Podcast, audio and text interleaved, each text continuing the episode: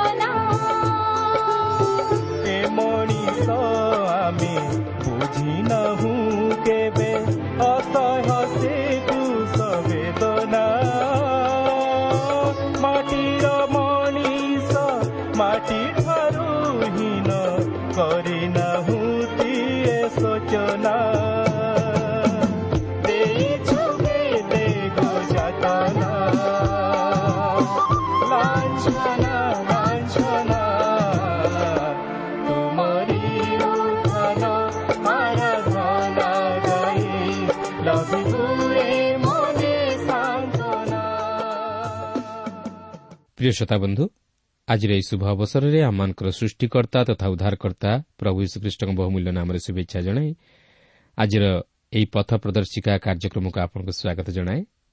ଆପଣଙ୍କର ମତାମତ ତଥା ହୃଦୟସ୍ପର୍ଶୀ ସାକ୍ଷ୍ୟ ନିମନ୍ତେ ବିଶେଷ ଧନ୍ୟବାଦ। ପ୍ରଭୁ ଆପଣଙ୍କୁ ଆଶୀର୍ବାଦ କରନ୍ତୁ ଓ ଆପଣଙ୍କର ମନମାଂଛ ପୂର୍ଣ୍ଣ କରନ୍ତୁ। ଆପଣଙ୍କର ପ୍ରାର୍ଥନାର ଅନୁରୋଧ ରକ୍ଷା କରି ଆମେ ଆପଣଙ୍କ ନିମନ୍ତେ ପ୍ରାର୍ଥନା କରୁଅଛୁ। ଆପଣ ମଧ୍ୟ ପ୍ରଭୁ ଶ୍ରୀଖ୍ରୀଷ୍ଟଙ୍କଠାରେ ବିଶ୍ୱାସରେ ସ୍ଥିର ରୁହନ୍ତୁ। ତାହେଲେ ସେ ଆପଣଙ୍କ ଜୀବନରେ ତାଙ୍କର ମହତ୍ କାର୍ଯ୍ୟମାନ ସାଧନ କରିବେ। ଆସନ୍ତୁ ପ୍ରଭୁଙ୍କର ବାକ୍ୟ ମଧ୍ୟକୁ ଯିବା ପୂର୍ବରୁ ସଂକ୍ଷେପରେ ପ୍ରାର୍ଥନା କରିବା। ପ୍ରିୟ ପବିତ୍ର ପ୍ରଭୁ ତୁମର ପବିତ୍ର ନାମର ଧନ୍ୟବାଦ କରୁଅଛୁ। ସୁନ୍ଦର ସମୟ ପାଇଁ ତୁମର ଜୀବନ୍ତ ବାକ୍ୟ ପାଇଁ। ପ୍ରଭୁ ତୁମର ବାକ୍ୟ ମଧ୍ୟ ଦେଇ ତୁମେ ଆମମାନଙ୍କ ସହିତ କଥା କୁହ। ପ୍ରତ୍ୟେକ ଶ୍ରୋତାମାନଙ୍କୁ ତୁମେ ଆଶୀର୍ବାଦ କର। ପ୍ରଭୁ ଆଜିର ଏହି କାର୍ଯ୍ୟକ୍ରମ ମଧ୍ୟ ଦେଇ ପ୍ରଭୁ ତୁମେ ଆମମାନଙ୍କୁ ଆତ୍ମିକ ଜୀବନରେ ବର୍ଦ୍ଧିଷ୍ଣୁ କରାଅ। ତୁମର ଇଚ୍ଛା ଅଭିମତ ପ୍ରଭୁ ତୁମେ ଆମମାନଙ୍କ ଜୀବନରେ ସାଧନ କର। ଯୀଶୁଙ୍କ ନାମରେ ମାଗୁଅଛୁ ଆସନ୍ତୁ ବର୍ତ୍ତମାନ ଆମେ ପ୍ରଭୁଙ୍କର ବାକ୍ୟ ମଧ୍ୟକୁ ଯିବା। ମୋର ଅନୁରୋଧ ଆପଣ ଏହି କାର୍ଯ୍ୟକ୍ରମ ଆରମ୍ଭରୁ ଶେଷ ପର୍ଯ୍ୟନ୍ତ ମନୋଯୋଗର ସହିତ ଶୁଣନ୍ତୁ। ତାହେଲେ ଆପଣ ପବିତ୍ର ବାଇବେଲ ମଧ୍ୟରୁ ଅନେକ ନିଗୁଢ଼ ବିଷୟମାନ ଶିକ୍ଷା କରିବାକୁ ପାରିବେ। ତେବେ ଆଜି ଆମେ ସେହି ରୋମିଓ ପୁସ୍ତକର ନଅ ପର୍ବର ଚଉଦ ପଦଠାରୁ ଆରମ୍ଭ କରି ତେତିଶ ପଦ ପର୍ଯ୍ୟନ୍ତ ଅଧ୍ୟୟନ କରିବାକୁ ଯିବା। ଆପଣଙ୍କର ମନେଥିବ ଏଥିପୂର୍ବରୁ ମୁଁ ଆପଣଙ୍କୁ କହିସାରିଛି ଯେ ଏହି ନଅ ପର୍ବର ମୁଖ୍ୟ ଆଲୋଚନାର ପ୍ରସଙ୍ଗ ହେଉଛି ଇସ୍ରାଏଲ୍ ଜାତି ସହିତ ଈଶ୍ୱରଙ୍କ ଅତୀତର ସମ୍ପର୍କ।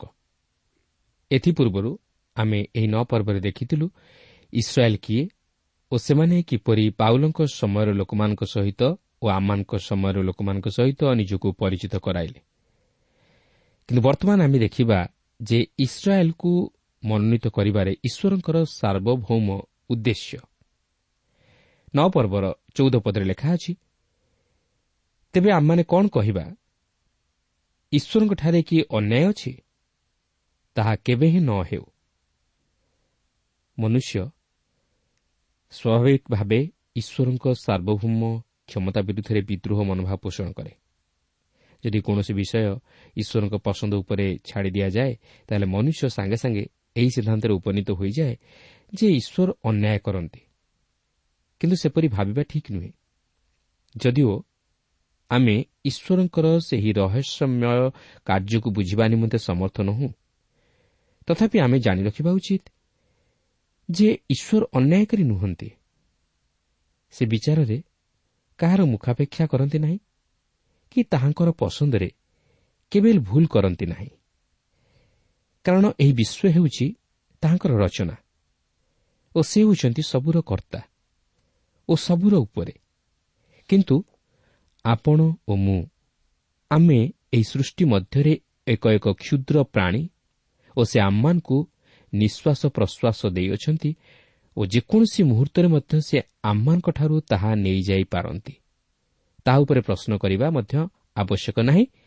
କି ସେ ଏପରି କାହିଁକି କଲେ ତହିଁ ଉପରେ ପ୍ରଶ୍ନ କରିବା ମଧ୍ୟ ଆମମାନଙ୍କର ଅଧିକାର ମଧ୍ୟରେ ନାହିଁ। କାରଣ ସେ ସବୁର କର୍ତ୍ତା ଓ ସର୍ବାନ୍ତର୍ଯ୍ୟାମୀ ସର୍ବଶକ୍ତିମାନ ଓ ସର୍ବବ୍ୟାପୀ ଈଶ୍ୱର।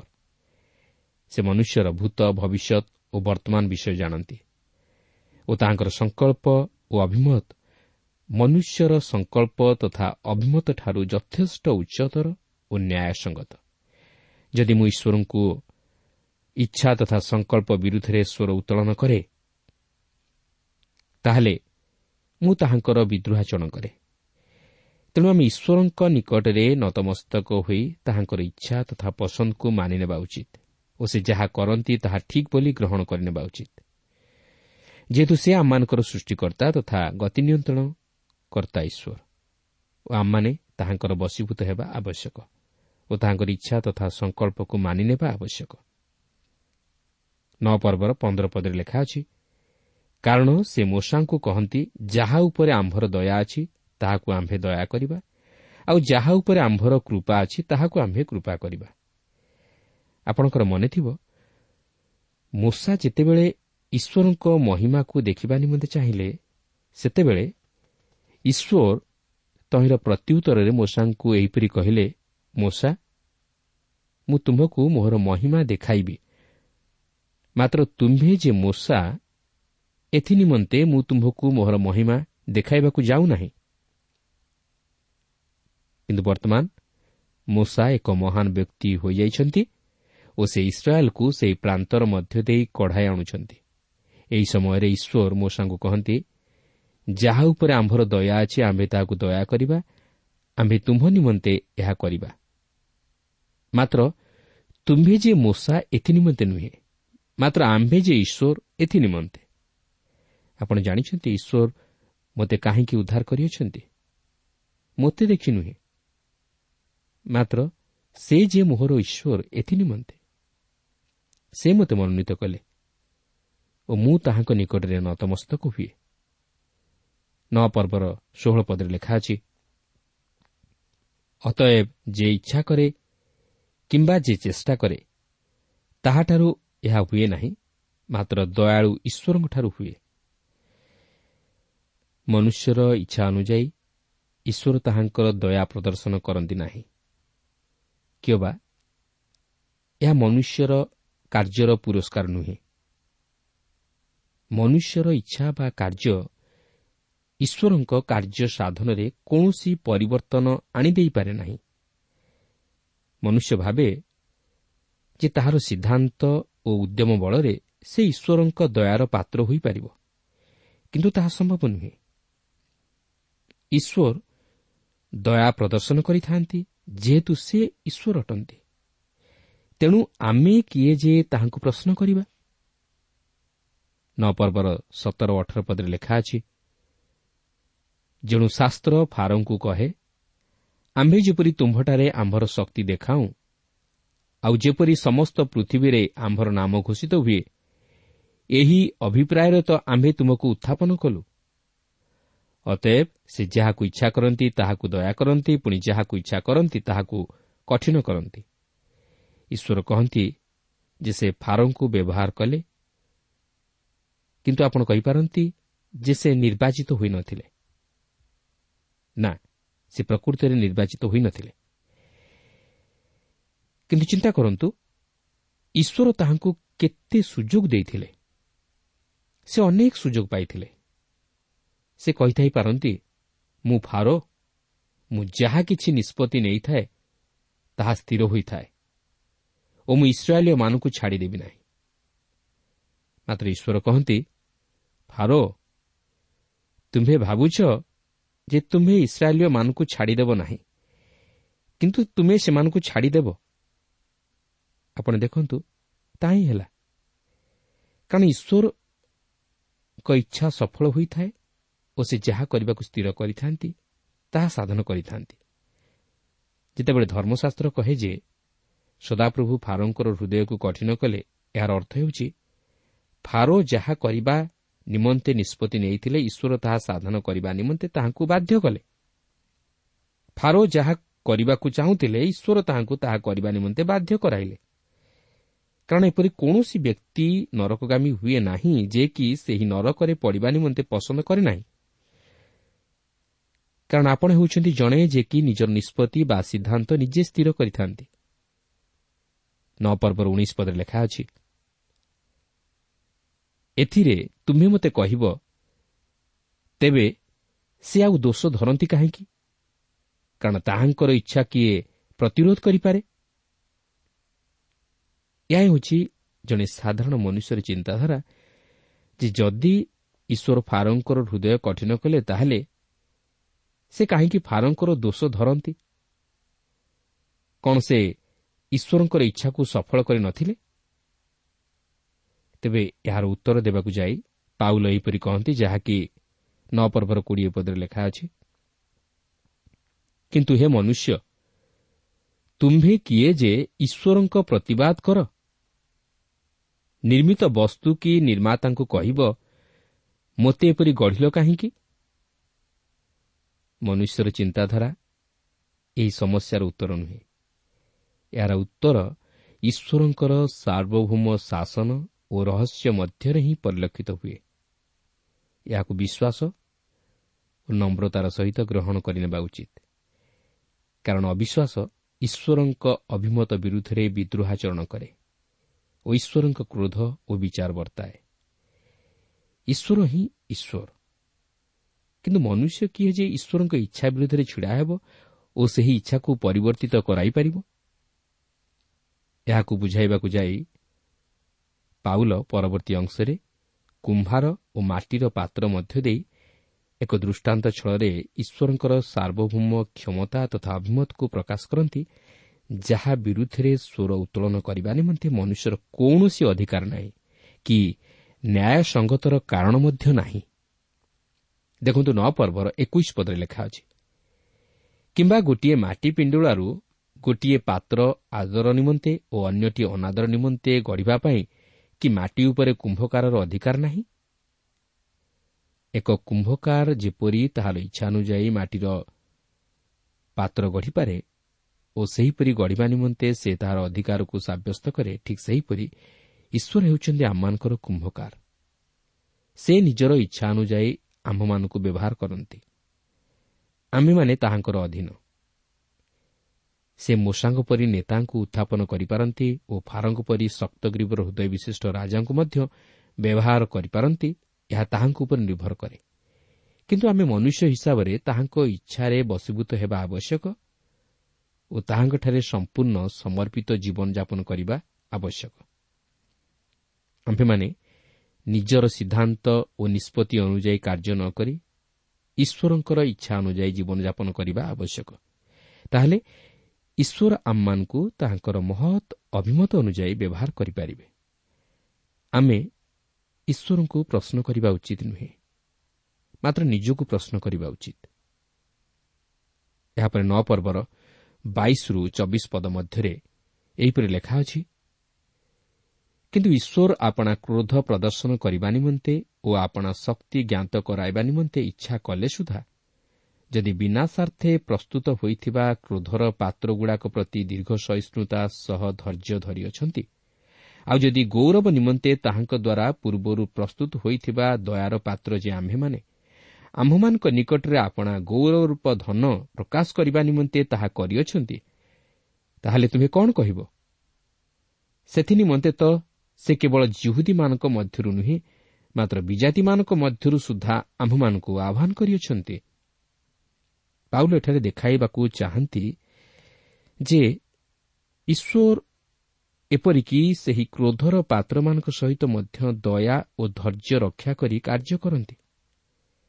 ସେ ସେମାନଙ୍କ ପ୍ରତି ମଧ୍ୟ ଦୟା ପ୍ରଦର୍ଶନ କରିଥାନ୍ତି। ଈଶ୍ୱର ସେମାନଙ୍କୁ ବିନାଶ ନିମନ୍ତେ ସମର୍ପଣ କରନ୍ତି ନାହିଁ କିନ୍ତୁ ସେମାନଙ୍କର ବିଦ୍ରୋହାଚରଣ ଓ ପାପ ସେମାନଙ୍କର ବିନାଶର କାରଣ ହୋଇଥାଏ। ଈଶ୍ୱର ଚାହିଁଲେ ମଧ୍ୟ ସେମାନଙ୍କ ପ୍ରତି ସଙ୍ଗେ ସଙ୍ଗେ ବିଚାର ବର୍ତ୍ତାଇ ପାରନ୍ତି। ମାତ୍ର ସେ ସେହି ମାଟି ପାତ୍ରମାନଙ୍କୁ ସେହିପରି ବିଚାରରେ ଆଣନ୍ତି ନାହିଁ। ମାତ୍ର ସେମାନଙ୍କୁ ସୁଯୋଗ ଦିଅନ୍ତି ତାହାଙ୍କର ନିକଟବର୍ତ୍ତୀ ହେବା ପାଇଁ ଓ ସ୍ୱାଧୀନତା ମଧ୍ୟ ଦେଇଥାନ୍ତି।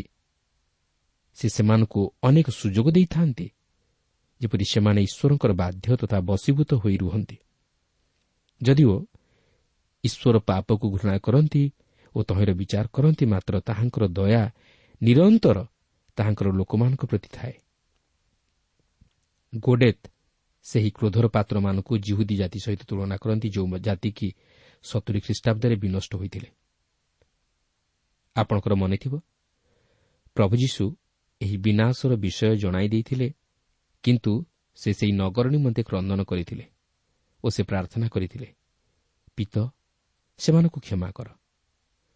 ଯେତେବେଳେ ସେହି ସତୁରୀ ଖ୍ରୀଷ୍ଟାବ୍ଦରେ ଈଶ୍ୱରଙ୍କ ବିଚାର ବର୍ତ୍ତିଲା ଈଶ୍ୱର ସେମାନଙ୍କ ମଧ୍ୟରୁ କେତେକଙ୍କୁ ଉଦ୍ଧାର କଲେ। ଏମାନେ ସେହି ଦୟାର ପାତ୍ର ଥିଲେ। ଏହିପରି ଏହି ନଅ ପର୍ବର ପଚିଶରୁ ତେତିଶ ପଦ ମଧ୍ୟରେ ପାଉଲ ଦର୍ଶାଇ ଦିଅନ୍ତି ଯେ ଈଶ୍ୱର କେବଳ ତାହାଙ୍କର ସାର୍ବଭୌମ ଇଚ୍ଛା ଅନୁଯାୟୀ ଇସ୍ରାଏଲ୍ ଜାତିକୁ ମନୋନୀତ କରିନଥିଲେ କିଏ ବା ସେହି ଜାତି ମଧ୍ୟରୁ ଯେଉଁମାନେ ତାହାଙ୍କର ନିକଟବର୍ତ୍ତୀ ହେଲେ ସେମାନଙ୍କୁ ଉଦ୍ଧାର କରିନଥିଲେ ମାତ୍ର ବିଜାତୀୟମାନଙ୍କ ମଧ୍ୟରୁ ସେ ଆଜି ମଧ୍ୟ ତାହାଙ୍କ ନାମରେ ଅନେକଙ୍କୁ ଆହ୍ୱାନ ଦିଅନ୍ତି। ଦେଖନ୍ତୁ ନଅ ପର୍ବର ପଚିଶ ଓ ଛବିଶ ପଦରେ ଏହିପରି ଲେଖା ଅଛି ଯେପରି ସେ ହୋସେୟଙ୍କ ପୁସ୍ତକରେ ମଧ୍ୟ କହନ୍ତି ଯେଉଁମାନେ ଆମ୍ଭର ଲୋକ ନ ଥିଲେ ସେମାନଙ୍କୁ ଆମ୍ଭେ ଆମ୍ଭର ଲୋକ ବୋଲି କହିବା। ଆଉ ଯେ ଅପ୍ରିୟ ଥିଲା ତାହାକୁ ପ୍ରିୟ ବୋଲି କହିବା। ପୁଣି ଯେଉଁ ସ୍ଥାନରେ ତୁମ୍ଭେମାନେ ଆମ୍ଭର ଲୋକ ନୁହଁ ବୋଲି ସେମାନଙ୍କୁ କୁହାଯାଇଥିଲା ସେହି ସ୍ଥାନରେ ସେମାନେ ଜୀବନ୍ତ ଈଶ୍ୱରଙ୍କ ପୁତ୍ରଗଣ ବୋଲି ଖ୍ୟାତ ହେବେ। ପଚିଶ ପଦଟି ପୁରାତନ ନିୟମର ହୋସେ ପୁସ୍ତକ ଦୁଇ ପର୍ବର ତେଇଶ ପଦରୁ ଉଦ୍ଧୃତ ହୋଇଅଛି ଓ ଏହା ଇସ୍ରାଏଲ୍ ଜାତିକୁ ଉପସ୍ଥାପିତ କରେ। ପିତର ମଧ୍ୟ ତାଙ୍କ ସମୟର ସେହି ଅବଶିଷ୍ଟ ଇସ୍ରାଏଲ୍ ଜାତିର ବିଶ୍ୱାସୀମାନଙ୍କୁ ଲକ୍ଷ୍ୟ କରି ଏହିପରି ପ୍ରକାଶ କରନ୍ତି ଯେଉଁମାନେ କି ଖ୍ରୀଷ୍ଟଙ୍କ ପ୍ରତି ଫେରିଥିଲେ। ପ୍ରଥମ ପିତର ଦୁଇ ପର୍ବର ନଅ ଓ ଦଶ ପଦରେ ଏହିପରି ଲେଖା ଅଛି କିନ୍ତୁ ଯିଏ ତୁମମାନଙ୍କୁ ଅନ୍ଧକାରରୁ ଆପଣ ଆଶ୍ଚର୍ଯ୍ୟ ଆଲୋକ ମଧ୍ୟକୁ ଆହ୍ୱାନ କରିଅଛନ୍ତି ତୁମ୍ଭେମାନେ ଯେପରି ତାହାଙ୍କ ଗୁଣ କୀର୍ତ୍ତନ କର ଏଥିନିମନ୍ତେ ତୁମ୍ଭେମାନେ ଏକ ମନୋନୀତ ବଂଶ ରାଜକୀୟ ଯାଜକବର୍ଗ ପବିତ୍ର ଜାତି ପୁଣି ଈଶ୍ୱରଙ୍କ ନିଜସ୍ୱ ପ୍ରଜା ହୋଇଅଛ। ପୂର୍ବରେ ତୁମ୍ଭେମାନେ ପ୍ରଜାବାଚ୍ୟ ନଥିଲ କିନ୍ତୁ ଏବେ ଈଶ୍ୱରଙ୍କ ପ୍ରଜା ହୋଇଅଛ। ପୂର୍ବରେ ତୁମ୍ଭେମାନେ ଦୟା ପାଇନଥିଲ ମାତ୍ର ଏବେ ଦୟାପ୍ରାପ୍ତ ହୋଇଅଛ। ଦ୍ୱିତୀୟରେ ଛବିଶ ପଦଟି ପୁରାତନ ନିୟମର ସେହି ହୋସୟ ପୁସ୍ତକ ପ୍ରଥମ ପର୍ବର ଦଶ ପଦରୁ ଉଦ୍ଧୃତ ହୋଇଅଛି ଓ ଏହା ବିଜାତୀୟମାନଙ୍କୁ ଉପସ୍ଥାପିତ କରେ ଯେଉଁମାନେ କି ଖ୍ରୀଷ୍ଟଙ୍କ ପ୍ରତି ବର୍ତ୍ତମାନ ଫେରିଅଛନ୍ତି ଓ ଭବିଷ୍ୟତରେ ଫେରିବାକୁ ଅଛନ୍ତି। ଏପରିକି ଜାକୁବ ଏହିପରି ପ୍ରକାଶ କରନ୍ତି ଯାହାକି ପ୍ରେରିତ ପନ୍ଦର ପର୍ବର ସତର ପଦରେ ଲେଖା ଅଛି ଯେପରି ଅବଶିଷ୍ଟ ଲୋକେ ଓ ଯେ ସମସ୍ତ ବିଜାତି ଆମ୍ଭ ନାମରେ ଖ୍ୟାତ ସେମାନେ ପ୍ରଭୁଙ୍କୁ ଅନ୍ୱେଷଣ କରନ୍ତି ସର୍ବସାଧନକର୍ତ୍ତା ପ୍ରଭୁ ଏହା କହନ୍ତି। ତେଣୁ ଈଶ୍ୱର ଆମ୍ଭମାନଙ୍କର ଧର୍ମକର୍ମ ନେଇ ଆମ୍ଭମାନଙ୍କୁ ବା ଆମ୍ଭମାନଙ୍କର ଯୋଗ୍ୟତା ନେଇ ଆମ୍ଭମାନଙ୍କୁ ଆହ୍ୱାନ କରିନାହାନ୍ତି।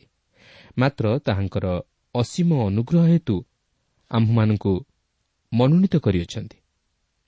ସେ କେବଳ ତାହାଙ୍କର ମନୋନୀତ ଜାତି ଇସ୍ରାଏଲ୍ ପ୍ରତି ଦୟା ପ୍ରଦର୍ଶନ କରିନାହାନ୍ତି ମାତ୍ର ପ୍ରତ୍ୟେକ ମାନବ ଜାତି ପ୍ରତି ପ୍ରକାଶ କରିଅଛନ୍ତି।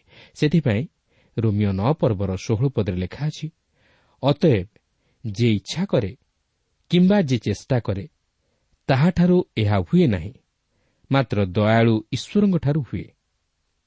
ଏହାପରେ ନଅ ପର୍ବର ସତେଇଶ ଓ ଅଠେଇଶ ପଦରେ ଏହିପରି ଲେଖା ଅଛି। ପୁଣି ଜିସାୟ ଇସ୍ରାଏଲ୍ ସମ୍ବନ୍ଧରେ ଉଚ୍ଚ ସ୍ୱରରେ କହନ୍ତି ଇସ୍ରାଏଲ୍ର ସନ୍ତାନମାନଙ୍କ ସଂଖ୍ୟା ସମୁଦ୍ରର ବାଲି ପରି ହେଲେ ସୁଦ୍ଧା କେବଳ ଅବଶିଷ୍ଟାଂଶ ପରିତାଣ ପ୍ରାପ୍ତ ହେବେ।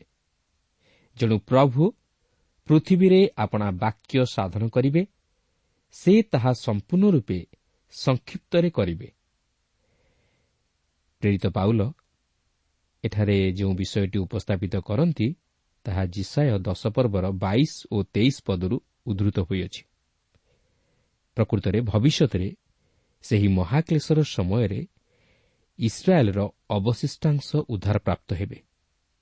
ଆମେ ଜାଣୁ ଯେ ସେହି ମହାକ୍ଲେଶର ସମୟରେ କେବଳ ଶହେ ଚଉରାଳିଶ ହଜାର ଜିହୁଦୀ ମୁଦ୍ରାଙ୍କିତ ହେବେ ଆଉ ତାହା ଅଳ୍ପ ସଂଖ୍ୟକ ଏହାପରେ ନଅ ପର୍ବର ଅଣତିରିଶ ପଦରେ ଲେଖା ଅଛି ପୁଣି ଯେପରି ଜିସାୟ ପୂର୍ବେ କହିଅଛନ୍ତି ବାହିନୀମାନଙ୍କ ପ୍ରଭୁ ଯଦି ଆମ୍ଭମାନଙ୍କ ନିମନ୍ତେ ଗୋଟିଏ ଅବଶିଷ୍ଟାଂଶ ରଖିନଥାନ୍ତେ ତେବେ ଆମ୍ଭେମାନେ ସଦମ ପରି ହୋଇଥାନ୍ତୁ ଓ ଗମରା ତୁଲ୍ୟ କରାଯାଇଥାନ୍ତୁ।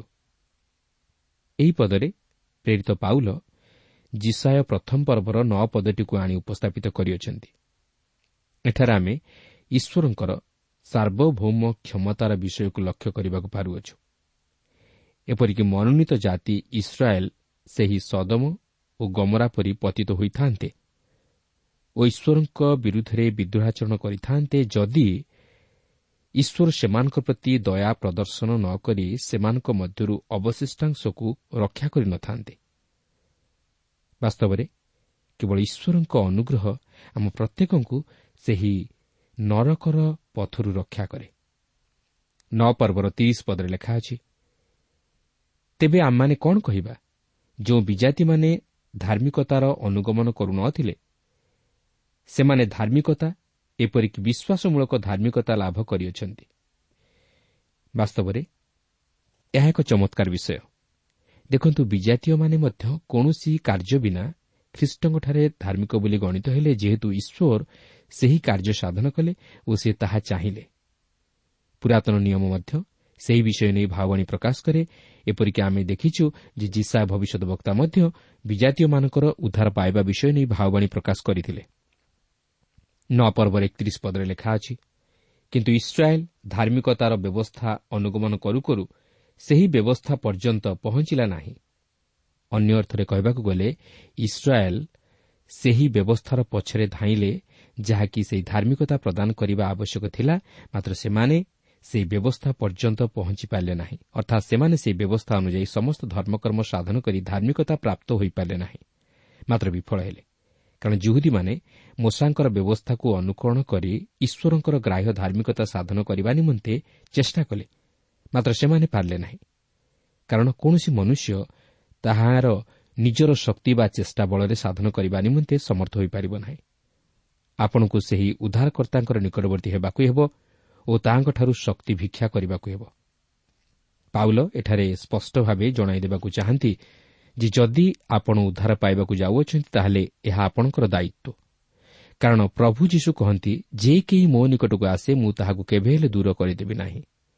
ଆପଣ ତାହାଙ୍କ ନିକଟକୁ ଆସିପାରିବେ ଉଦ୍ଧାର ପାଇପାରିବେ। କିନ୍ତୁ ଆପଣ ଏକ ପାଖିଆ ଛିଡ଼ା ହୋଇ କହନ୍ତୁ ନାହିଁ ମୁଁ ମନୋନୀତ ନୁହେଁ।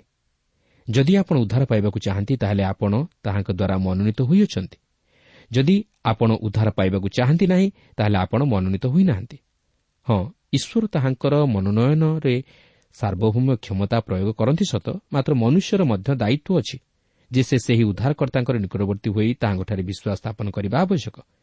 କାରଣ ଈଶ୍ୱର ମନୁଷ୍ୟକୁ ମଧ୍ୟ ସ୍ୱାଧୀନତା ଦେଇଛନ୍ତି କିନ୍ତୁ ମନୁଷ୍ୟ ଯେତେବେଳେ ସେହି ସ୍ୱାଧୀନତାକୁ ଅପବ୍ୟବହାର କରେ ସେତେବେଳେ ସେ ତାହାଙ୍କର ସାର୍ବଭୌମ କ୍ଷମତା ପ୍ରୟୋଗ କରି ତାହାଙ୍କର ଇଚ୍ଛା ଅନୁଯାୟୀ ସମସ୍ତ ବିଷୟ ସାଧନ କରନ୍ତି ଓ ତାହାଙ୍କର ସିଦ୍ଧାନ୍ତ ମଧ୍ୟ ଠିକ୍ କାରଣ ତାହାଙ୍କଠାରେ କୌଣସି ଅଧାର୍ମିକତା ନାହିଁ।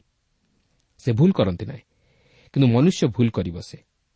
ମନୁଷ୍ୟ ପ୍ରଶାସନ କ୍ଷେତ୍ରରେ ମଧ୍ୟ ଭୁଲ କରି ବସେ। ତଥାପି ଲୋକମାନେ ସେମାନଙ୍କ ଉପରେ ବିଶ୍ୱାସ କରନ୍ତି। ତାହେଲେ ପ୍ରିୟ ବନ୍ଧୁ ଈଶ୍ୱରଙ୍କଠାରେ ବିଶ୍ୱାସ କଲେ ଭୁଲ କ'ଣ ଅଛି? ସେ ଧାର୍ମିକ ସେ ଉତ୍ତମ ଓ ସେ ଯାହା କରନ୍ତି ତାହା ଉତ୍ତମ।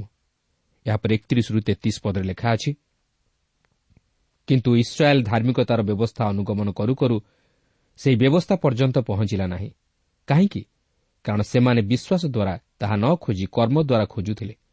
ସେମାନେ ସେହି ବାଧାଜନକ ପ୍ରସ୍ତରରେ ଝୁଣ୍ଟି ପଡ଼ିଲେ। ଯେପରି ଲେଖା ଅଛି ଦେଖ ଆମ୍ଭେ ସିଓନରେ ଗୋଟିଏ ବାଧାଜନକ ପ୍ରସ୍ତର ଓ ବିଘ୍ନଜନକ ପାଷାଣ ସ୍ଥାପନ କରୁଅଛୁ। ଆଉ ଯେ ତାହାଙ୍କଠାରେ ବିଶ୍ୱାସ କରେ ସେ ଲଜ୍ଜିତ ହେବ ନାହିଁ। ଏହି ଅଂଶରେ ଯେଉଁ ବିଷୟ ପାଉଲ ପ୍ରକାଶ କରନ୍ତି ତାହା ପୁରାତନ ନିୟମର ଜିସାଏ ପୁସ୍ତକ ଆଠ ପର୍ବର ଚଉଦ ପଦ ଓ ଜିସାଏ ପୁସ୍ତକ ଅଠେଇଶ ପର୍ବର ଷୋହଳ ପଦରୁ ଉଦ୍ଧୃତ ହୋଇଅଛି। ଜୁଦୀମାନେ ବାଧାପ୍ରାପ୍ତ ହେଲେ। ବିଜାତୀୟମାନଙ୍କ ପ୍ରତି ସେହି କୃଷ ମୂର୍ଖତାର ବିଷୟ ହେଲା। କିନ୍ତୁ ଯେ କେହି ବିଶ୍ୱାସ କରେ ସେ ଜିହୁଦୀ ହୋଇଥାଉ କିମ୍ବା ବିଜାତୀୟ ହୋଇଥାଉ ଉଦ୍ଧାରପ୍ରାପ୍ତ ହେବ। ବାସ୍ତବରେ ଏକ ସରଳ ମନୋଭାବ ବିଶିଷ୍ଟ ମନୁଷ୍ୟ ସରଳ ବିଶ୍ୱାସରେ ଆସିବ। ମାତ୍ର ଜଣେ ସ୍ୱାଭାବିକ ମନୁଷ୍ୟ ସ୍ୱାଭାବିକ ଉପାୟରେ ପରିତ୍ରାଣ ପ୍ରାପ୍ତ ହେବା ନିମନ୍ତେ ଚେଷ୍ଟା କରିବ। ସେ ଈଶ୍ୱରଙ୍କ ସାର୍ବଭୌମ କ୍ଷମତା ଓ ମନୁଷ୍ୟର ଦାୟିତ୍ୱ ମଧ୍ୟରେ କୌଣସି ଭିନ୍ନତା ରଖିବାକୁ ଚେଷ୍ଟା କରିବ ନାହିଁ।